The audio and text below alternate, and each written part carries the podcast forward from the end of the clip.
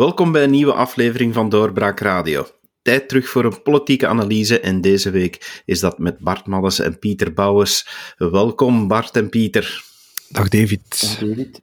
Pieter, wanneer het regent in Parijs, druppelt het in Brussel. Mm Parijs en omgeving, heel uh, Frankrijk bij uitbreiding, heeft net de eerste ronde van de presidentsverkiezingen meegemaakt. Welke druppels vallen er dan volgens jou in Brussel? Oei, uh, ja, er is veel over te zeggen eigenlijk. Hè. Maar eh, de, de, de instorting of de complete instorting nu van uh, de twee grote uh, traditionele partijen van Frankrijk is toch iets dat, dat in het oog springt. de, de Parti Socialiste en Les, Republi nee, Les Républicains van, van Macron. En de andere partij die eigenlijk de grote alle grote Franse presidenten tot nu toe geleverd hebben, die, die allebei de PS 2% en, en Pécresse haalt 4,8 of 4,7. Dat is toch allemaal zeer opmerkelijk eigenlijk hoe, hoe snel dat eigenlijk gegaan is. En als je dan ziet, uh, ja, Macron, het is zeer de vraag waar die politiek eigenlijk voor staat. En dat is iets dat volgens mij ook niet op die manier kan blijven duren. En daarnaast heb je dan Le Pen, goed, dat was iets of wat voorspeld. En, uh, en die Mélenchon, die toch wel uitzonderlijk hoog scoort. Um, en, en Zemmour, die, ja, lager scoort dan ik had gedacht, eigenlijk eerlijk gezegd. Maar goed, ik ben ook niet de, de, de man die, die de Franse verkiezingen op de, op de voet volgt. Maar ik denk dat daar um, in Franstalig België ja, je weet, eh, of je weet het niet, dat ze daar op de Franstalige televisie echt een, eh, een verkiezingsshow voor organiseren, voor een verkiezing in het buitenland. Alsof de VRT dat hier doet voor verkiezingen in Nederland. Eh, ik heb het altijd eigenaardig gevonden. Maar, um, maar als je ziet uh, hoe politici hier daar naar kijken, dan denk ik toch dat Magnet um, daar niet zo goed van geslapen heeft en dat Hedebouw een, een heel goede nacht heeft gehad. En dat, ja, Georges-Louis Boucher een beetje schippert tussen Macron en Zemmour. En, en, Zemmour is, is nu niet zo goed gelopen. Dus haakt hij zijn karretje naar Macron. Maar of, of, of ja, of de kant die, die Georges-Louis Boucher moet uitgaan, de kant is van Macron, dat denk ik niet. Hè. Kijk maar naar de Open VLD hier bij ons. En ik denk niet dat dat de goede weg is. Dus ja, er, er valt wel wat over te zeggen. Ook het partijlandschap in België zou wel eens helemaal omgegooid kunnen worden. Denk jij dat ook, Bart, dat de tegenstelling links-rechts zou verdwijnen in zowel Vlaanderen als Wallonië? Ik denk niet dat die tegenstelling zal verdwijnen, hè, maar, maar die um, vertaalt zich op een andere manier in het partijpolitieke landschap. Want um, die, die tendens waar, waar Pieter het over heeft, dus eigenlijk het wegsmelten van de traditionele partijen ten voordele van ja, wat je dan de antisysteempartijen, of toch minstens de systeem kritische partijen zou kunnen noemen, ja, die, die is in Vlaanderen al lang bezig, hè, die tendens. Mm -hmm. wij kijken altijd naar de, de V-partijen, N-VA plus Vlaams Belang. Die, die halen nu volgens de peilingen hè, net iets minder dan 50%, rond de 45%. Um, maar eigenlijk kun je daar ook in Vlaanderen PVDA aan toevoegen als, als antisysteempartij. Um, en dan kom je eigenlijk, als je kijkt naar de peilingen sinds uh, de verkiezing van 2019, kom je eigenlijk bijna constant aan rond de 55 procent. Dus Vlaams Belang, N-VA plus PVDA, um, dat is 55 procent. In Frankrijk zag je nu bij de zondag de, de echte antisysteempartijen, um, Zemmour, um, Le Pen, um, Mélenchon, maar dan ook nog een paar kleinere, kleinere uiterst linkse en uiterst rechtse mhm. partijen. Dat is rond de 60, dat is rond de 60 procent. Dus eigenlijk is dat, is dat, is dat vrij vergelijkbaar. Um, in Wallonië is dat voorlopig uh, lager, hè? dus daar is PTB is, is, is 20 procent. Um, maar zoals ik eh, vorige week heb aangetoond uh, op, op doorbraak, heb je in het, in het Waalse partijlandschap ook een soort, een soort zwart gat. Hè? Heb je een kleine 10% van de kiezers uh, die voor allerlei kleine, uiterst linkse of uiterst rechtse partijen stemmen. Dus het ongenoegen in, in Wallonië is eigenlijk ook een stuk groter dan, dan, dan op het eerste zich blijkt uit die peilingresultaten. Je hebt daar ook toch minstens uh, eh, 30% van, van misnoegden um, in, in, in Wallonië. en ik denk dat die tendens zal, zal verder gaan. Hè. Ik, ik, denk zelfs die 55 procent, uh, misschien is dat wel een onderschatting. Hè. Het zou wel eens kunnen dat dus die drie partijen samen, N-VA, Vlaams Belang, PVDA, in, in Vlaanderen een hoger percentage halen, omdat uiteindelijk het, het ongenoegen dat, dat aan de basis ligt daarvan, en daar hebben we het al verschillende keren over gehad in vorige podcast, ja, dat ongenoegen is natuurlijk heel groot en, en het is eigenlijk laag na laag die daarbij komt. Hè. Dat is begonnen in 2019 met het opzij schuiven van de grote overwinnaar in Vlaanderen, Vlaams Belang. Hè. Cordon sanitair, dat werd herbevestigd.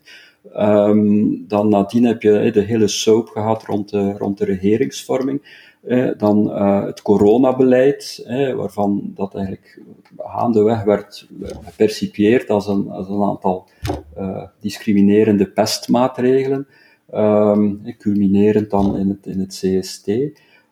dan denk aan die betogingen die dan eigenlijk uit het niets opdoken, zonder enige band met de media, met de gevestigde politiek, had je dan, dan plots 20, 30, 40, 50.000 mensen uh, in Brussel, dus dat was eigenlijk nooit gezien. En nu komt daar nog eens um, de inflatie bij en de stijging van de energieprijzen.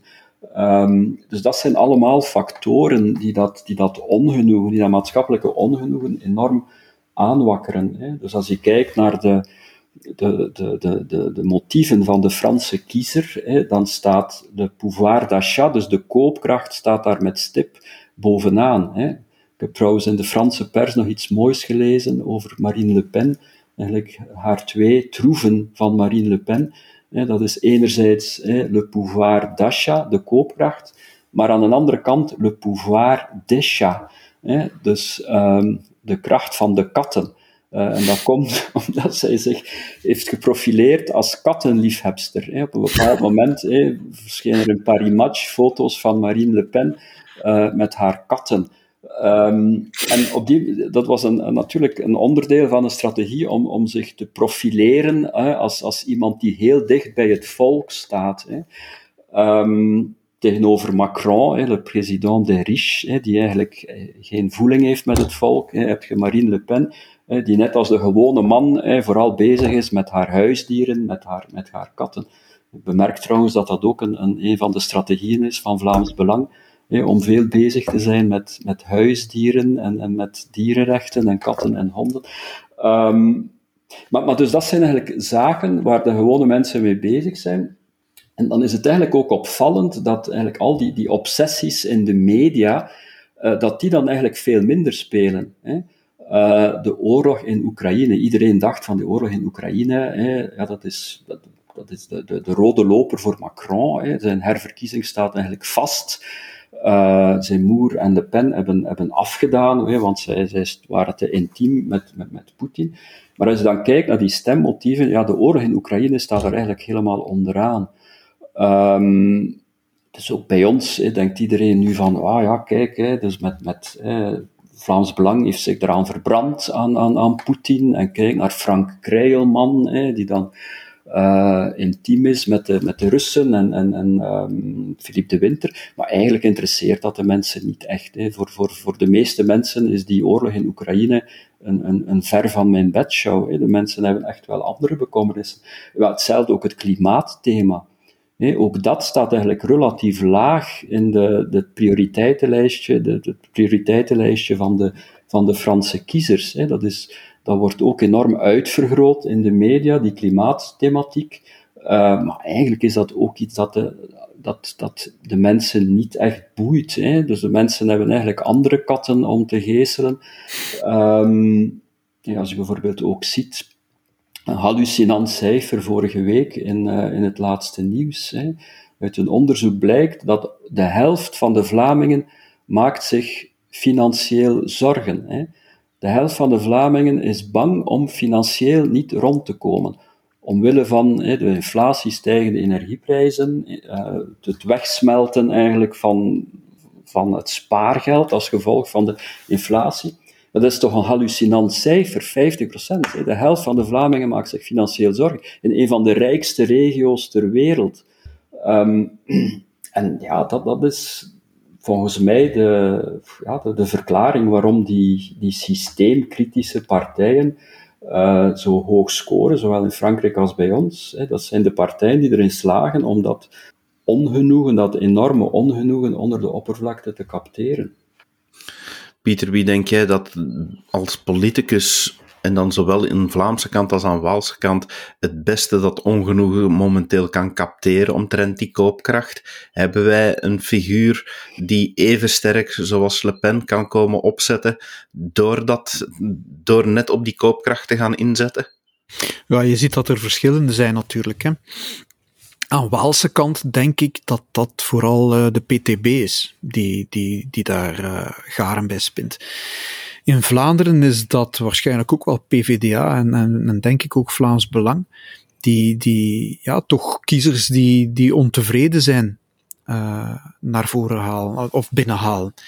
Maar je ziet, ja, die hertekeningen van het landschap in Vlaanderen is er eigenlijk ook al geweest. Je ziet nu, nu ook, ook analyses van uh, wat, wat gaat er in, wat betekent dat voor Vlaanderen en voor België.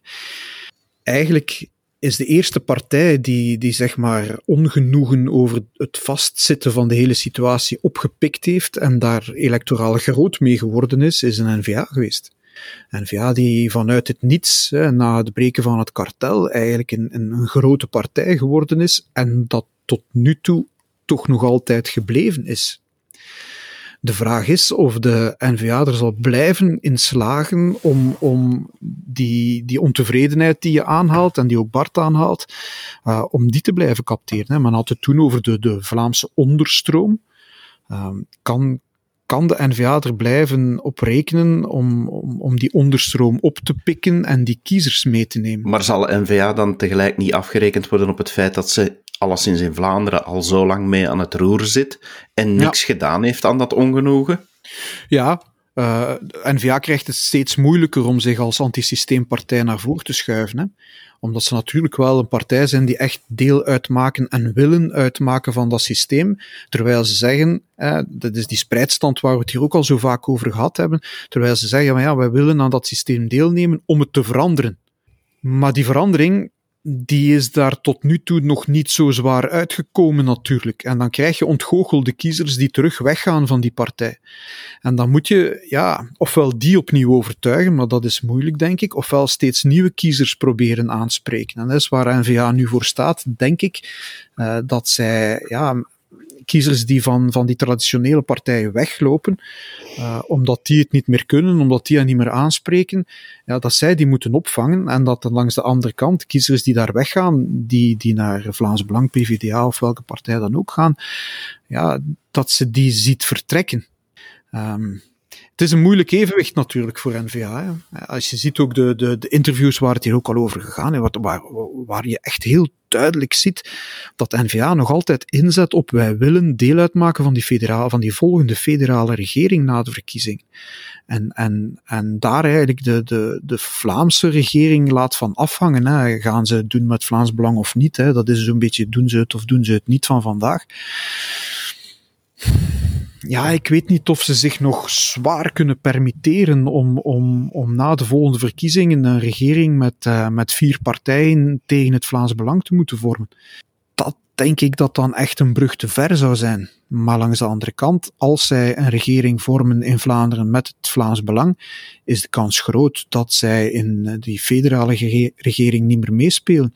Dus zij zitten echt in een heel, heel, heel moeilijke positie als we de analogie aanhouden met Frankrijk, daar heb je bij de vorige presidentsverkiezingen, vijf jaar geleden, dan de figuur al gehad van Macron, die hm. nog links, nog rechts is. Je zou dan kunnen zeggen, is, dat een soort, is het een soort van centrum? Bij ons zie je het centrum net eerder nog in, in elkaar stuiken, zowel aan de Vlaamse kant als aan de Waalse kant.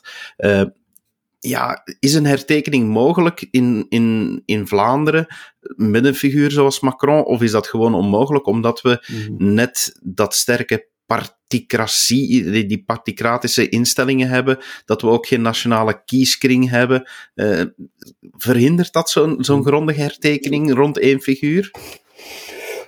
Die hertekening rond één figuur hebben we eigenlijk in Vlaanderen gehad. Hè. Dat was, mhm. zoals Pieter al gezegd heeft, dat was de, de doorbraak van, van de NVA in 2009, 2010, 2014. Dat was eigenlijk op, op op een heel korte tijd dat het, het Vlaamse partijsysteem, partijlandschap, uh, grondig is veranderd.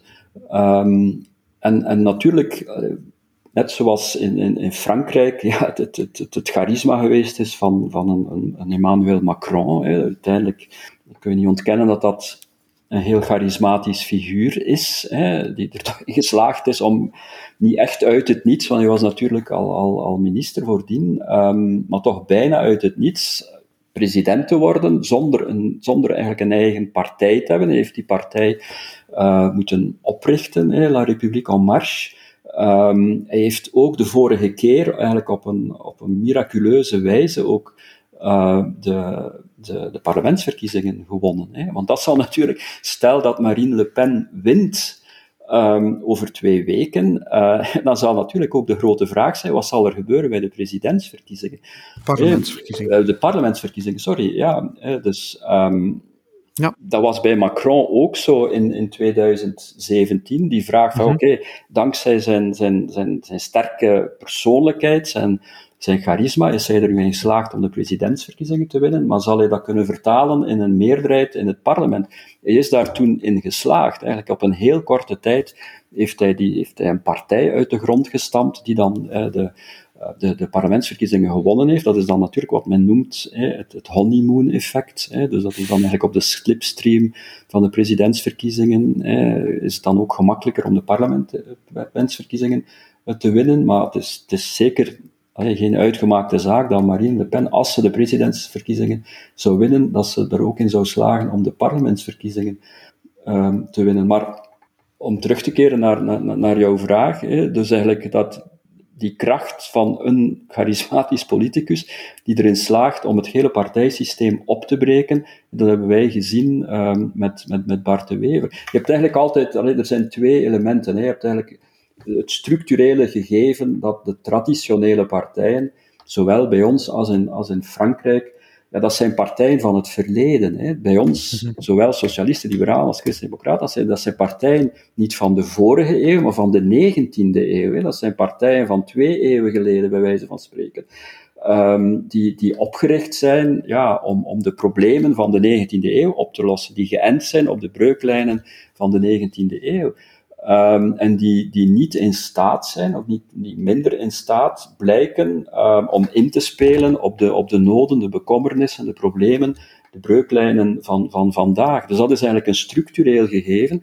Um, dat zie je in, in, alle Europese landen, of toch in de meeste. Hè. Dus eigenlijk het, het, het, het wegsmelten van traditionele partijen. Maar dan heb je natuurlijk ja, het conjuncturele gegeven dat je moet een krachtig politicus hebben die op een bepaald moment ja, de kiezers kan enthousiasmeren met een, met een duidelijk alternatief. Hè. En dat is wat dat Macron gedaan heeft in 2017, wat dat Bart de Wever um, bij ons uh, gedaan heeft. Um, en waar je eigenlijk in, in Wallonië hè, eigenlijk niet echt een, een, een parallel ziet. Hè. Dus eigenlijk in, in Wallonië blijven de traditionele partijen nog, nog relatief sterk. Um, uh, maar zo'n een, een, een, een, politicus die, die eigenlijk de hele boel op stelten zet. Um, ja, die, die heb ik in Wallonië toch nog niet gezien. Um, maar Pieter, zou je dan kunnen zeggen dat Macron eigenlijk lessen zou kunnen leren van Bart de Wever? Want uiteindelijk, Bart de Wever, doorgebroken, de nieuwe charismatische figuur, maar wel voor een stuk ook door het systeem klein gehouden, want er zijn geen hervormingen gekomen. Maar tot op mhm. heden heeft Macron ook nog geen grootse hervormingen kunnen doen. Dus uh, gaat de analogie daar ook nog verder op? Ja, daaraan zie je hoe zo'n een, een, een systeem in C, hoe moet je dat zeggen, ja, conservatief is of zichzelf een beetje beschermt. En, en dat het heel moeilijk is om zo'n systeem te veranderen. In Frankrijk heeft men natuurlijk wel een, een aantal republieken gehad. Als het systeem vastloopt, dan, dan, dan uh, maken ze een nieuwe grondwet, bij wijze van spreken. En dan, ja, niet bij wijze van spreken, dan gaan ze naar een nieuwe republiek die die problemen moet oplossen. Hier zie je ook de, de, de inertie van zo'n systeem. Hè. En, en hoe zo'n systeem je, je, je vastpakt, hoe je daarin geraakt en, en eigenlijk aan de wetten van dat systeem moet voldoen. En dat is ja, de, de les die, die de NVA ook heeft geleerd en, en heeft moeten leren, heeft moeten ondergaan. Hmm. Uh, je, je kan niet zomaar veranderen. Hè. En nu ook, hè. men heeft het over een zevende staatshervorming. Ja, die, als die zal moeten gaan volgens de, de, regels van het systeem, zal dat een zoveelste staatshervorming zijn zoals we die gekend hebben. En dan hoor je hier en daar zeggen ze van ja, we moeten buiten de grondwet treden. Ook, ook dat is in het verleden in België al gebeurd. Eh, we moeten er niet onnozel over doen. Maar ik denk dat dat op zich op, op de duur de enige manier ook wordt om, om echt een verandering mogelijk te maken.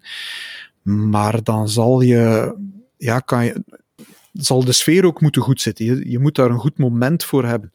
En misschien als alles draait en, en alles helemaal vastzit, komt dat moment wel. Maar uh, je ziet dat verandering eigenlijk niet zo makkelijk is. Dat klinkt allemaal makkelijk en, en, en Macron was ook de grote messias die het allemaal ging veranderen in Frankrijk. En, en je ziet dat dat niet werkt. Mm. Politiek gezien zijn er geen messiassen. De Wever is dat niet en was dat niet. Macron is dat niet en was dat niet. Zelensky was dat ook niet in Oekraïne. Uh, toen hij daar verkozen werd. En, en ga zo maar door. Hè. Er zijn zo al heel veel politieke messiassen gepasseerd. Ja, die zeg maar de vereisenis niet konden waarmaken. Maar ik zou dan toch eraan toevoegen um, dat er voor, voor Bart de Wever meer verzachtende omstandigheden zijn dan, dan voor Macron. Hè. Uiteindelijk, het is ja, Bart de Wever zit in een, in, een federaal systeem. Ja, dus je hebt, uh, de, de Franstalige kant, hoe, hoe, sterk een politicus ook, zo hebben het gezien met Le Terme in 2007, hoe, hoezeer een politicus ook, ook populair is in, in, in Vlaanderen. Ja. Je moet een federale regering vormen, je zit met, al, met alle grendels. Uh, je kan zelfs zeggen, hoe populairder, hoe moeilijker. Ja, absoluut. Om, om, Terwijl in Frankrijk, en in Frank, Frankrijk vind ik uh, een, een, een, veel betere democratie in feite dan, dan, dan, dan België, die maar uiteindelijk, zoals we weten, nou, maar, een, maar een halve democratie is, of een zeer gebrekkige democratie. Maar in mhm. Frankrijk, uiteindelijk, als de kiezers een president kiezen, en dan bovendien, zoals gebeurd is met Macron in 2017, ook nog eens die president uh, aan een parlementaire meerderheid, meerderheid helpen uh, ja, dan is die president eigenlijk enorm machtig. Hè? Dus dan heeft die president eigenlijk enorm veel macht om dingen te veranderen. Vandaar natuurlijk dat de ontgoocheling des te groter is, uh, wanneer dan blijkt dat die, dat die president eigenlijk die, die macht niet gebruikt. Ik vraag me ook af of dat niet komt door het gebrek aan, moet je zeggen, ideologische fond bij Macron. Maar zo politici die, die eigenlijk ja, surfen op, op wat allemaal goed klinkt, die zijn ook zeer gevoelig voor lobbying.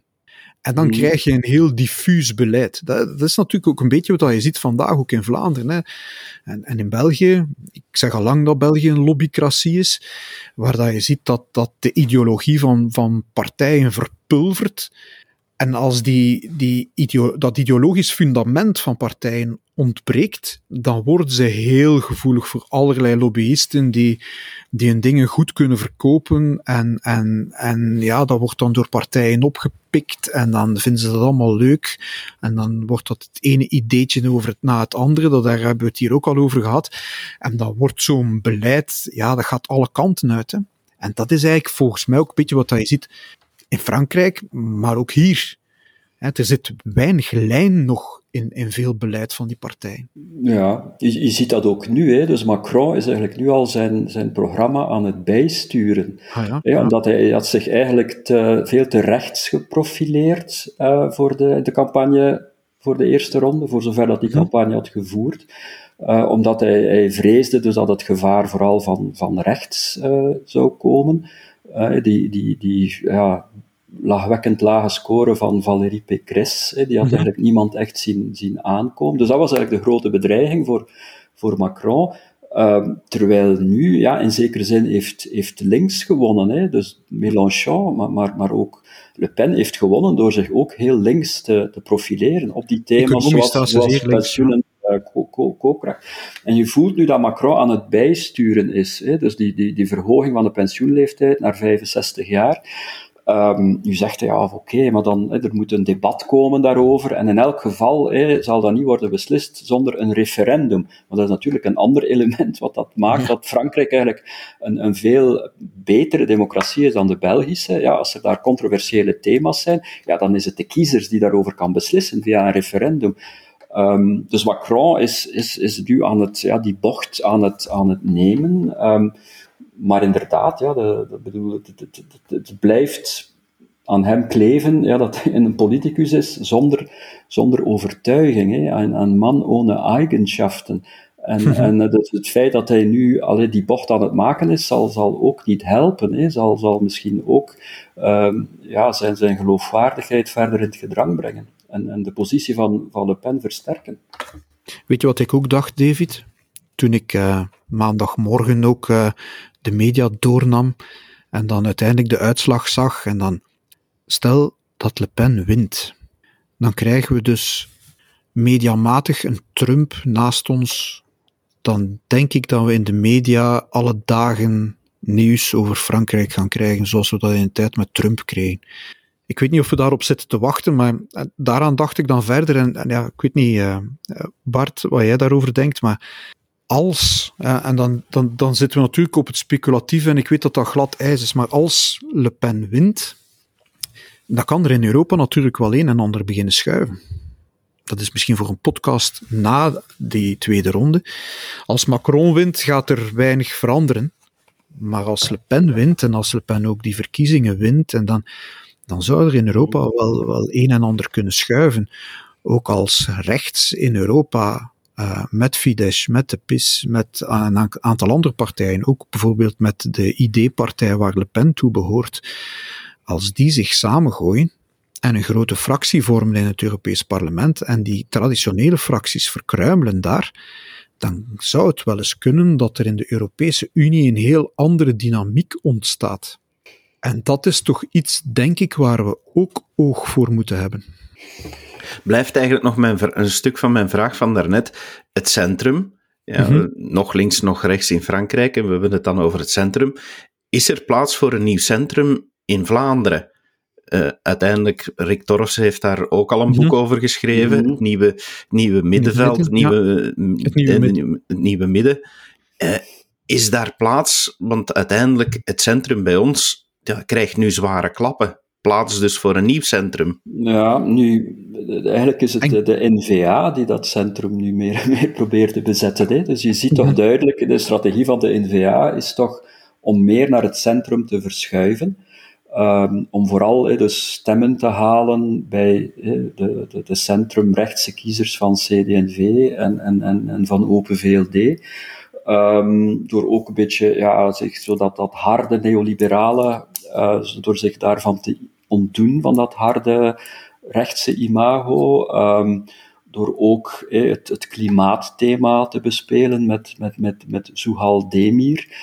Um, dus ik, ik vind wel dat je kunt zeggen dat de, dat de NVA naar, naar, naar het centrum aan het evolueren, natuurlijk ook onder druk van het Vlaams Belang. Ik denk dat de NVA er zich ook bij heeft neergelegd dat een groot deel van dat Vlaams Belang-electoraat, dat, dat dat niet zal terugkeren naar de, naar de NVA. In 2014 dacht de NVA ja, dat, dat, dat het Vlaams Belang eigenlijk einde verhaal was. Hè? Dus dat, die, mhm.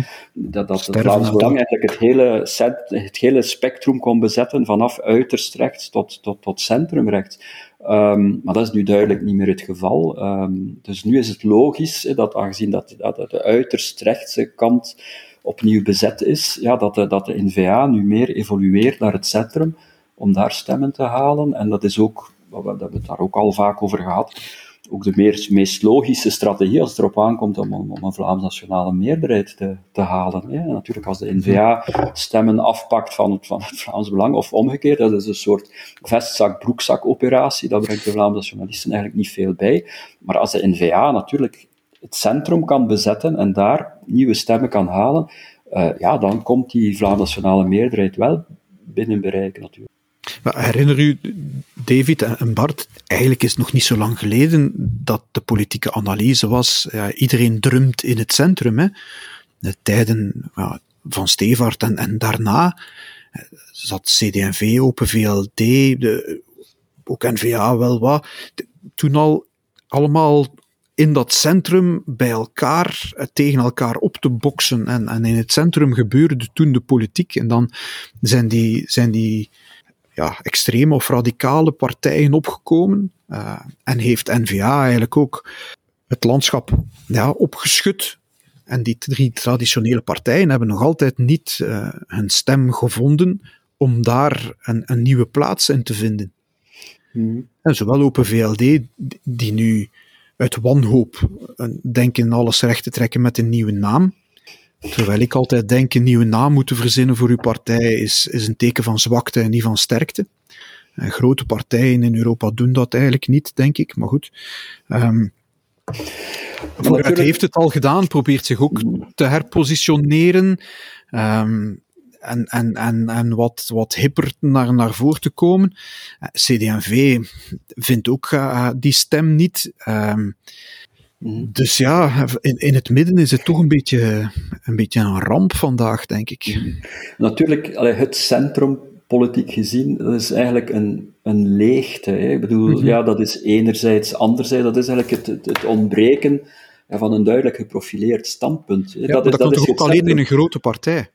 Ja, maar dus eigenlijk heb je een, een zeer sterk charismatisch politicus nodig om, om dat centrum te bezetten mhm. en, en, en, en te vullen. Hè. Iemand die, die door zijn persoonlijkheid, allee, dus eigenlijk een, een soort breed maatschappelijk compromis kan, kan belichamen. Hè. Dus dat zag je bijvoorbeeld in Duitsland met Angela Merkel. Hè. Zij bezette het centrum uh, omwille van haar persoonlijkheid. Um, dat hebben we in de jaren negentig gezien met een, met een, met een Jean-Luc Dehaan, hè, die dus eigenlijk dat centrum belichaamde en, en dat centrum daardoor ook aantrekkelijk kon, kon maken. Um, maar als je, als je geen zo'n charismatisch politicus hebt, zo'n politiek zwaargewicht, ja, dan, dan, dan kun je eigenlijk in het centrum geen stemmen halen. Maar het was toch ook de kracht van, van, van de CVP in de tijd van, van de Hanen, ja, dat zij in hun partij zowel linkse als rechtse politici, of centrumlinkse, centrumrechtse politici hadden. En je had die ACW-vleugel, maar je had ook die ja, wat conservatievere, vaak ook Vlaamsgezindse vleugel mhm. binnen de CD&V. En zij konden dat binnen die partij ja, overkoepelen. En, en dan neem je automatisch een beetje enerzijds, anderzijds. Je, je hebt verschillende mensen die je op verschillende momenten naar voren laat komen en, en, en, je verzoent die in één partij. En dat zie je vandaag niet meer. Nee, maar je hebt dan, je hebt dan een grote verzoener nodig. Hè? Mhm. Zeker, zeker als, als eigenlijk je, breuklijn niet meer zo relevant is. Hè? Ik bedoel, als de tegenstelling tussen katholieken en niet-katholieken, die er in de 19e eeuw was, is vandaag, dat is een ander, we kunnen het daar een volgende keer over hebben, het is toch minder relevant dan vroeger in elk geval. Ehm, en dan ja, heb, je, heb je een andere factor nodig, hè, een, een, een, een persoonlijkheid, een sterk politicus, die, die de boel bijeen kan houden en die dat, dat centrum uh, aantrekkelijk kan. Denk aan een Leo mm Tindemans. Een Leo Tindemans in de jaren 70, die er eigenlijk in geslaagd is om, om toen de CVP opnieuw te doen stijgen. Hè. Um, omdat die, ja, die, die had als, als kandidaat, als politicus, hè, een enorm charisma. En, en die kon de boel centrum links, centrum rechts bijeenhouden. Bij het is, het dan, is het dan ook niet zo dat, dat eigenlijk, om in het centrum succesvol te zijn, dat als je die charismatische figuur hebt, dat die ook aan de macht moet zijn? Want dat heel veel van die andere, eh, Pieter, jij noemde het net, hè, centrum links, centrum rechts, dat die eigenlijk niet alleen bij die charismatische figuur komen aanschuren, maar dat die voornamelijk komen aanschuren bij de macht. Goh, ja en nee. Hè.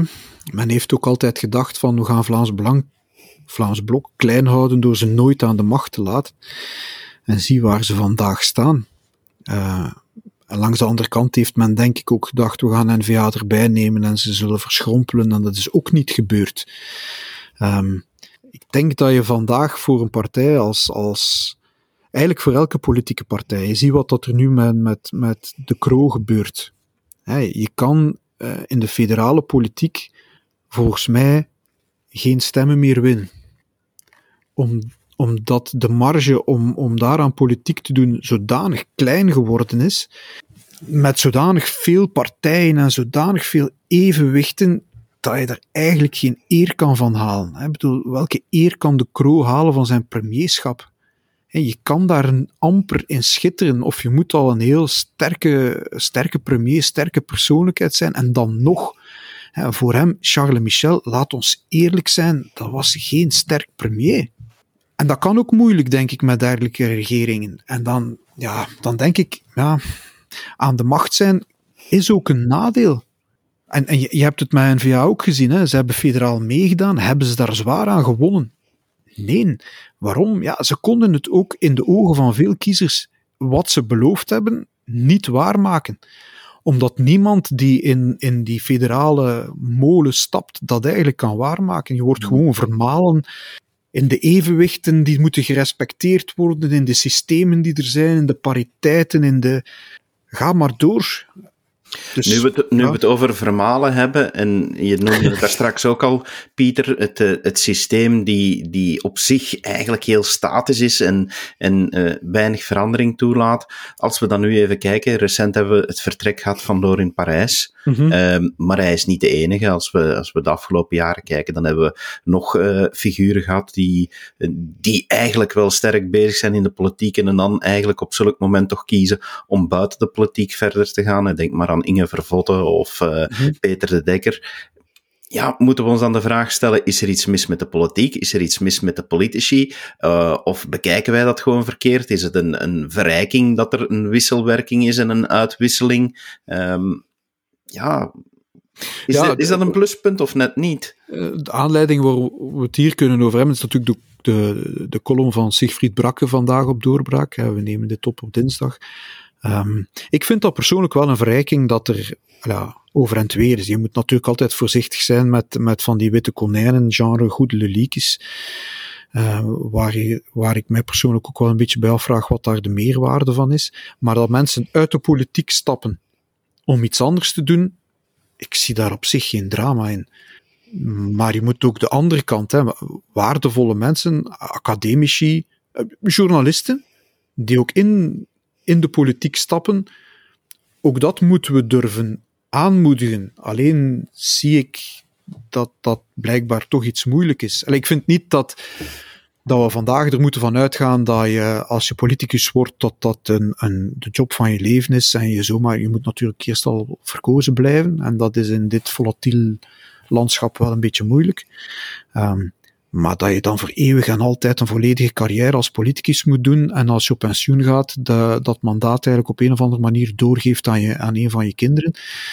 Um, dat kan niet de bedoeling zijn van politiek. Dus ik vind dat daar, ja, dat daar wat overdreven over wordt gedaan. Het is een goede zaak dat er mensen over en weer stappen. Uh, misschien zijn er ook wel goede politici vandaag die, die, die het als journalist niet slecht zouden doen. Wie weet uh, heb ik er iemand op toeg voor doorbraak. Zou ook nog leuk zijn eigenlijk.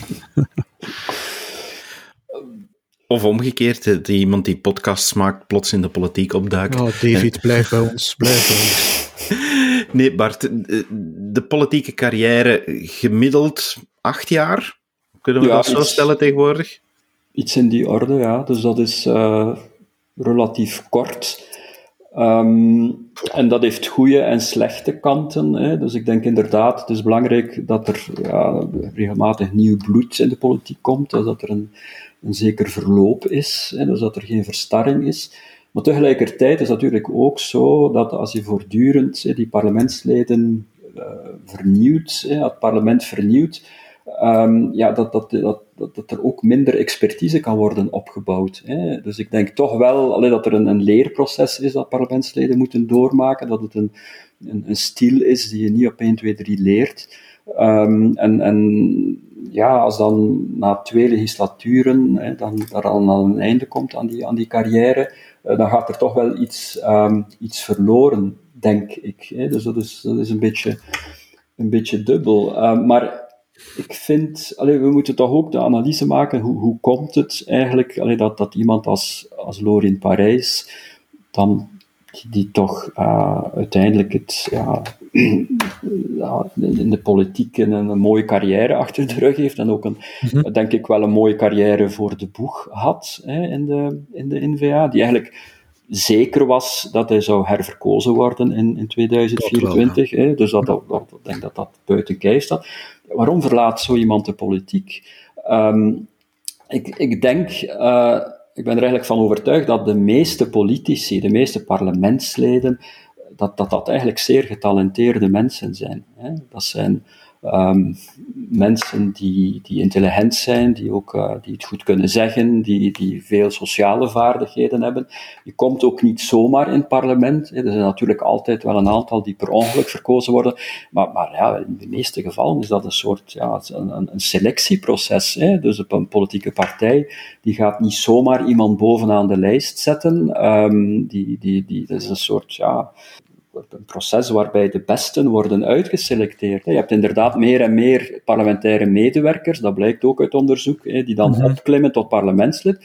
Oh, dat zijn dan ook de beste parlementaire medewerkers die worden, worden uitgekozen. Dus ik ben ervan overtuigd dat de, de, de, niet allemaal, maar de meeste politici eigenlijk zeer getalenteerde mensen zijn, maar die zitten natuurlijk gevangen in een, in een, in een systeem dat vierkant draait. Hè. Ze zitten gevangen in een staatsstructuur uh, waarbinnen nauwelijks nog een beleid kan worden gevoerd, hè, zoals Pieter daar straks al zei. Ze zitten ook gevangen in die particratie, um, waar ze eigenlijk ja, hun ding niet kunnen doen, um, dat enorm verstikkend is. Um, dus ze, ze, ze zien wat er misloopt, zowel institutioneel als binnen de partij, maar ze kunnen er eigenlijk niets aan doen. Ze zijn onmachtig, ondanks de talenten die ze hebben, om, om iets te veranderen, ondanks hun gedrevenheid, ondanks hun visie. Um, en ik ben er ook zeker van dat als een politicus die, die, die vandaag de markten doet, zoals men dat dan zegt, of die, die van deur tot deur gaat, ja, dat hij ook wel ondervindt dat, dat, dat uh, het, het, vertrouwen in de politiek op een absoluut dieptepunt zit vandaag. De politici worden, worden uitgespuwd door de, door de mensen. Hè, onterecht, hè, omdat natuurlijk de, de, de mensen, dat is een abstracte analyse van te zeggen van het is het probleem van het systeem, het is het probleem van de, de, de particratie. Maar natuurlijk, de mensen projecteren dat op de individuele politici. Hè. Het zijn in de mhm. ogen van de mensen die individuele politici die falen.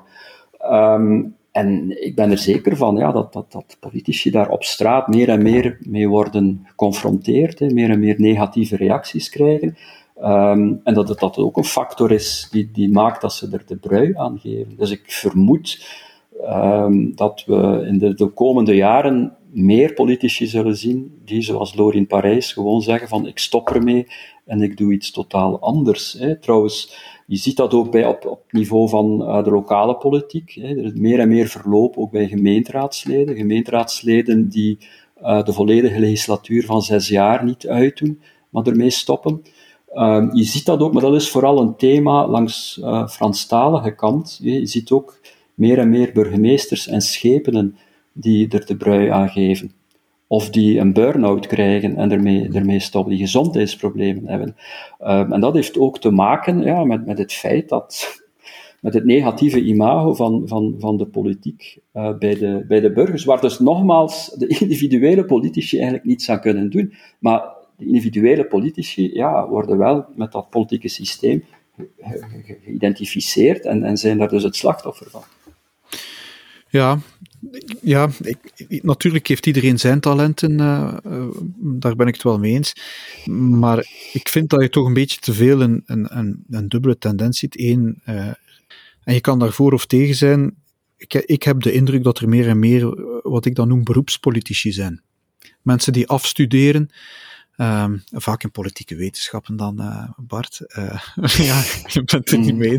Uh, die, die dan als, als parlementair medewerker of, of kabinetsmedewerker terechtkomen, um, dan via hun parlementslid of, of hun minister waar ze voor werken, een duwtje in de rug krijgen bij de lijstvorming uh, zo hoger opschuiven en, en dan uiteindelijk uh, parlementslid worden en, en eigenlijk in een hele werkende leven niks anders gedaan hebben dan in de politiek gewerkt. Ik weet niet of dat, dat zo'n goede evolutie is.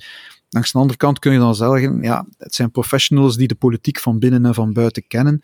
Maar ik denk dat enige ervaring in, in het buitenpolitieke beroepsleven toch ook niet slecht is. En dan ten tweede vind ik dat er de laatste jaren um, vanuit partijhoofdkwartieren um, te weinig respectvol wordt omgegaan met, met wat men dan noemt dossierpolitici. alle parlementaire medewerkers eh, kunnen vandaag filmpjes maken en op sociale media zetten. Maar of alle parlementaire medewerkers ook in staat zijn om stevige dossiers voor een parlementslid te maken, daar twijfel ik aan. En, en, en dat is een, een evolutie die, die volgens mij dan niet ten goede gaat op dit moment in het parlement. Maar het heeft toch inderdaad ook wel te maken met het feit dat je als parlementslid weinig kan veranderen aan het systeem.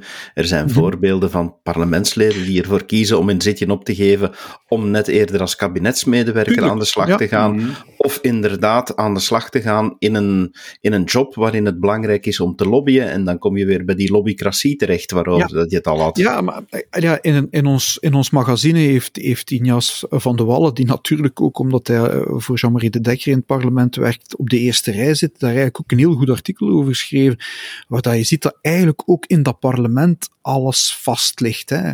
Alles verloopt daar in afspraak onder de meerderheid. En dan kan je zeggen, oké, dat is de parlementaire werking, maar dan kom je toch tot van die hele rare ideeën. Hij geeft daar het voorbeeld van Wouter Vermeers, die in, in commissie begroting een, een, een, fout ontdekt, daar amendementen voor indient en de minister zegt, van Petergem zegt, ja, dat, ja uh, collega Vermeers heeft gelijk. Ze beginnen die te stemmen, tot als er iemand van de PS denkt, oei, maar dat zijn amendementen van het Vlaams Belang. Schorsing, ze schrijven de amendementen mm. over, ze keuren die van het Vlaams Belang af en de letterlijke overschrijving van een ander parlementslid keuren ze dan goed. En dan denk ik, waar zijn we mee bezig? als je in dit parlement ook op die manier uh, de inertie en het vastlopen gaat, gaat, gaat gaan organiseren, ja, dan, dan wordt het inderdaad, zoals sommige mensen zeggen, een beetje een poppenkast. Een, een soort parlementair theater waar, waar de plot op voorhand vast ligt en iedereen zijn rol speelt, goed wetende wat het uiteindelijk zal worden. En als er dan kritiek komt op de democratie, ja, dan is dat niet de schuld van, van de extreme partijen, maar dan is het de schuld van, van, van de systeempartijen zelf, die, die meegewerkt hebben aan de uitholling van het systeem, hoe het eigenlijk zou moeten zijn. En dat is waar we nu vandaag zitten. En dat is eigenlijk volgens mij ook een veel grotere bedreiging dan, dan Marine Le Pen, die president van Frankrijk zou worden, of, of, of, of Tom van Grieken, die hier minister-president zou worden van Vlaanderen. Uiteindelijk denk ik dat ons systeem dat aan kan. Maar als we verder gaan op de manier waarop we nu bezig zijn met onze democratische instellingen eigenlijk van binnenuit op te eten of uit te hollen, dan denk ik dat dat een veel groter gevaar is. Ja, het, het probleem is inderdaad dat, dat ons systeem zo, zo gebrekkig is en, en, en ook niet, niet echt democratisch. En als je mhm. kijkt, ja, de, de regeringsvorming federaal, dat is een, ja, dat is een, een, een kaartenhuisje. Hè. Dat, is, dat hangt dan één met zoveel, zoveel evenwichten. Hè. Er zijn zoveel partijen, dat is ideologisch zo, zo divers. Hè, dat van zodra dat je daar een kaart uit weghaalt, hè, of een paar dissidente stemmen in het parlement, ja, dan, dan, dan stort heel dat systeem in elkaar. Uh, mochten wij een meer normale, gezonde democratie hebben, ja, dan, dan zou je op een meer relaxe manier daarmee kunnen omspringen met, met dissidente stemmen in het parlement, zou je meer e, echt een evenwicht, een machtsbalans kunnen hebben tussen, debat. tussen regering en, en, en, en parlement, zoals je dat in Nederland hebt. Of in, of in de Verenigde Staten. Ja, waar, waar, waarbij een parlementslid inderdaad op een bepaald moment kan zeggen van kijk, ja, ik, ben, alleen met, ik zit in, in, een regeringspartij, maar ik ben het eigenlijk niet eens met de, met, met de mhm. regering en ik zou dat willen veranderen. En, en, en, en, en als, als dat parlementslid dan goede argumenten heeft, ja, dan kan de regering bijsturen. Dus dat gezonde evenwicht tussen wetgeven mhm. en uitvoerende macht, dat, dat, dat hebben wij niet meer. Uh, maar dat heeft alles te maken ja, met het, het, het complexe karakter van, van, van de Belgische democratie, die eigenlijk geen democratie is, maar een, een optelsom van twee verschillende democratieën. En, en dat laten werken op een democratische manier, ja, dat is eigenlijk uh, de kwadratuur van de cirkel. En, we komen altijd op, op, op, dat probleem terug. En om het te doen werken, en, en, dan keren we terug naar Frankrijk, om het te kunnen doen werken, moet men eigenlijk verkiezingen afschaffen. Hè. Wij hebben om de vijf jaar verkiezingen. Hè. Um, en, en, en, tussen, en, en, en daartussen ja, kan de burger eigenlijk niets zeggen. Maar je moet dat eens vergelijken met Frankrijk. Hè. In 2020 lokale verkiezingen in twee ronden. Hè. 2021 regionale verkiezingen in twee ronden. 2022 parlement, presidentsverkiezingen in twee ronden. En dan over een aantal weken parlementsverkiezingen opnieuw in twee ronden. En dan 2023 is uitzonderlijk een jaar zonder verkiezingen, tenzij dat er ergens een referendum zou zijn. En dan 2024 Europese verkiezingen. Dus dat is een heel drukke verkiezingsagenda, waarbij eigenlijk de kiezer, de burger, ja, voortdurend, als die dat wil, want het moet niet, maar als die dat wil, kan die voortdurend zijn, zijn, zijn mening kwijt in het mhm. kieshokje. Bij ons is men daar bang voor. Hè. Men heeft gezegd van ja, aparte regionale en, en federale verkiezingen, uh, dat, dat, dat mag niet. Hè. Dat leidt tot instabiliteit. Hè. We, moeten, we moeten vermijden dat de kiezer zoveel keer naar het, stembus, uh, het stemhokje uh, moet. We gaan dat samen, gaan om de vijf jaar een moeder van alle verkiezingen organiseren. Dus dat is eigenlijk een enorme verschraling van de democratie. En ik denk dat dat ook een van de redenen is waarom dat wij zo gefascineerd naar, naar Frankrijk kijken. Hè. Dat is eigenlijk een, een feest van de democratie in Frankrijk. Ook nu de manier waarop de Fransen kunnen kiezen tussen twee maatschappelijke projecten. Hè? En het, het, project dat een meerderheid van de kiezers achter zich kan halen, ja, dat is het project op basis waarvan Frankrijk de komende vijf jaar zal worden bestuurd. Dat is toch fantastisch? Uh, dus eigenlijk zijn wij dat is zo, ja. Ongelooflijke sukkelaars wat dat betreft. en zo komen we weer uit bij het feit, uh, de term het gestolde land, het, waar niks nog kan veranderen, waar alles vastloopt. En als het hele systeem vastloopt, komen we tot echt een systeemcrisis waar we een grote reset nodig hebben. En dan zijn eigenlijk alle grote termen opnieuw gebruikt. Dankjewel Bart, dankjewel Pieter voor jullie analyse deze week. En u, beste luisteraar, dank u wel dat u gevolgd hebt. En heel graag tot de volgende keer. Dag. Dit was een episode van Doorbraak Radio, de podcast van doorbraak.be. Volg onze podcast op doorbraak.be/slash radio of via Apple Podcasts, Overcast of Spotify. Bezoek ook onze website op doorbraak.be en steun ons door een vriend te worden van Doorbraak.